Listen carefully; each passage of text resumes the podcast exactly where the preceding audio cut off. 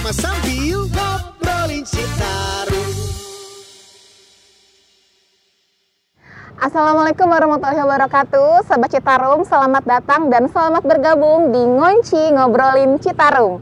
Saat ini episodenya spesial karena kita sedang berada di Jembatan Muara Gembong Nah teman-teman kita akan ngobrol langsung dengan Komandan Sektor 20 yaitu Bapak Kolonel Infanteri Budianto Assalamualaikum Bapak Mbak. Apa kabarnya? Kabar baik mbak. Terima Sehat kasih. ya, Pak, ya? Alhamdulillah sehat mbak. Ya, nah Pak eh, bisa ceritain nggak sih tugas dan fungsi dari Sektor 20? Nah, begini mbak, Mm-mm. kami kan di sektor 20 ini merupakan bagian dari wilayah BBWS sehingga apa pun yang diperintahkan atau disampaikan BBWS untuk menjaga, membersihkan atau merawat sungai ini kita laksanakan. Kenapa harus kita laksanakan hal seperti itu? Karena di akhir-akhir tahun ini begitu musim banjir seperti ini, air suhu naik, apa cuaca naik, air bisa banjir, ini sungai harus bersih. Sehingga kalaupun dia mengalir, itu hanya air yang mengalir, tidak ada sampah yang begitu banyak seperti sekian tahun yang lalu. Gitu Mbak. Jadi itu tugas utamanya seperti itu. Walaupun di lain ada tugas-tugas lain, tugas-tugas yang berkaitan dengan masalah wilayah, apa edukasi kepada masyarakat ini tetap kita berikan. Bagaimana supaya masyarakat tidak membuang sampah di sungai lagi. Karena selama ini kita tahu dari dulu bahwasannya sungai ini kan merupakan uh, serambi terdepan. Iya.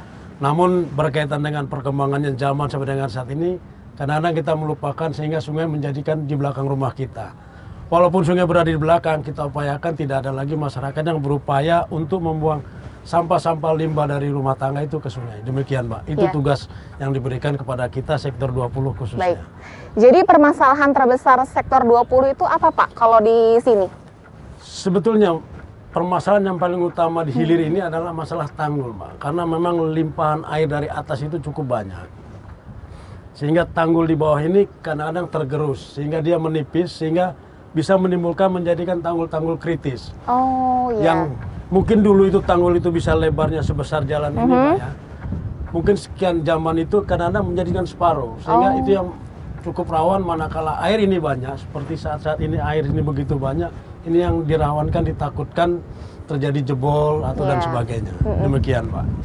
Kalau dari eh, apa hal yang berbeda dari sektor 20 dengan sektor-sektor yang lain Pak? Ah, khususnya kalau perbedaan yang paling signifikan terlihat adalah kalau mungkin sektor lain itu ada yang di hulu, Iya. ada yang di tengah. Betul. Nah, kita ini kan di hilir, Mbak. Jadi nuansanya sebetulnya kita akan menuansa bagaimana arahnya ke pantai sehingga begitu dia ke pantai, air ini sudah baik, Iya. di pantai pun mangrove-mangrove ini bagus sehingga itu nanti menjadikan objek wisata- wisata yang cukup baik untuk ke depannya. Kalau memang itu nanti dari Pemda dengan BBWS itu akan bekerja sama berkolaborasi bagaimana untuk merawat menjaga sungai ini ke depan. Ya. Demikian.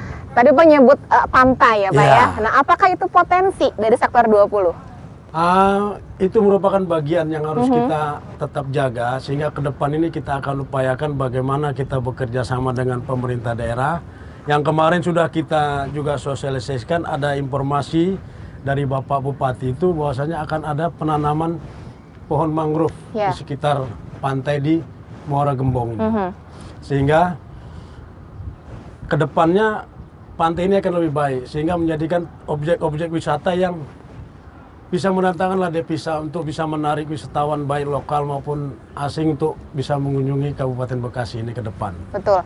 Kita flashback sejenak nih teman-teman Eh, dari tahun 2018 hingga Iya. saat ini bagaimana sih Pak evaluasi dari sektor 20 dalam menangani Citarum Harum? Ah begini Mbak, memang dalam kurun waktu 2018 sampai dengan 2021 ini sudah berganti beberapa komandan sektor. Hmm. Nah, komandan sektor yang pertama itu dia juga sama sebetulnya tugas pokoknya tidak jauh berbeda dengan saat ini. Mungkin hanya suasananya yang berbeda karena pada situ adalah pertama sehingga pengedukasian kepada masyarakat itu lebih intens. Mm-mm. Nah, yang kedua dan sektor kedua itu tahun 2020 kemarin 2019 akhir sampai dengan pertengahan 2020 itu bagaimana perawatan perawatan sepanjang sungai. Nah, begitu kami nih masuk di 2020 sampai 2021 kita melaksanakan wawancara ini, Mbak. Saya mulai dari tempat yang kemarin tanggul itu jebol Iya. sampai kemarin ini, ini kita sudah kurang lebih ada tiga titik yang kita rawat. Itu Mhm. kurang lebih panjangnya setiap titik tanggul titik itu kurang lebih antara 250 sampai 350 meter. Dan tadi kita lewat jalan sedikit itu ada. Iya. sedang pekerjaan. Oh. Itu adalah titik yang terakhir yang kita kolaborasi dengan BBWS supaya ke depannya diharapkan di awal tahun tidak terjadi seperti kemarin. Mhm. Nah, ke depan ke pantai pun sama. Kita sudah mengusulkan kepada BBS untuk tetap menjaga ke hilir. Baik. Jadi nanti di pantai itu upayakan juga kita bisalah untuk mendatangkan Mhm. baik masyarakat untuk bisa melihat pantai dan bisa menjaga pantai bersama. Oke. Itu. Bisa ceritakan sedikit nih Pak, katanya ini namanya jembatan Jokowi ya kalau kata Ah, masyarakat ya. iya, itu iya. apa sih Pak? Bisa ceritakan sedikit aja. Nah, ini kan sebetulnya jembatan ini dibangun oleh pemerintah khususnya Bapak Jokowi pada saat itu agar masyarakat di desa belakang sebelah ini tidak juga terputus dengan Oh, desa oke. sebelahnya yang selama ini mereka menggunakan eretan itu loh, Hmm, apa perahu, perahu yang ya? ditarik ya. Oh. Ada sebagian juga dengan jembatan Iya. gantung yang cukup berbahaya, Berbahaya ya. bagi anak-anak sekolah. Mhm. Sehingga beliau Bapak Jokowi itu membangun jembatan Mhm. ini. Nah, mungkin masyarakat juga merasa oh dibangun oleh beliau untuk mengenang juga jasa beliau. Masyarakat sekitar ini menyebutnya oh ini jembatan Pak Oh, Jokowi. iya. gitu. Jadi buat akses lebih mudah ya Pak ya, Nah, itu. betul. Seperti kita lihat kan banyak Ya, kendaraan betul. Kalau Sangat dimanfaatkan ya, Pak, ya? Itu dia, Iya. betul, Mbak. Baik, terakhir nih Pak, Ya. eh, bagaimana sih ke depannya sektor 20 untuk tahun 2022 dan harapannya untuk masyarakat yang tinggal di bantaran Sungai Citarum? Ya, memang di tahun 2022 ini kita sudah punya renaksi mbak ya Betul. dari BBS sana. Ke depan itu diharapkan ada beberapa tanggul-tanggul yang kurang bagi itu seperti di sebelah sana kemarin sudah dipasang bronjong-bronjong untuk bisa lebih baik dan kita lihat juga banyak perahu yang Betul. lewat ini. Ada yang lewat ya Nah, teman-teman nih perahu. Diharapkan ini tidak terhambat oleh banyaknya sampah Iya.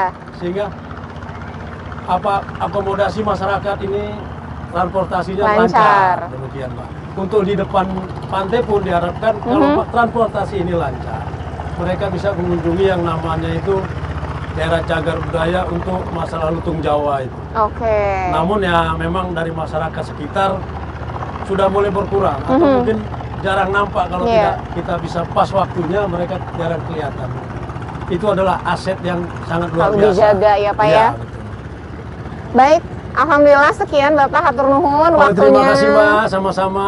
Ya, Sambil kita terima bisa ya, melihat siap. sini Mbak ya. Siap, kita bisa jalan-jalan lagi Pak Ini, ya. Mbak, Mbak. Terima kasih Mbak. Baik Sobat Citarum, begitulah obrolan kita hari ini dengan Bapak Komandan Sektor 20. Kita akan ketemu di ngonci selanjutnya. Assalamualaikum warahmatullahi wabarakatuh.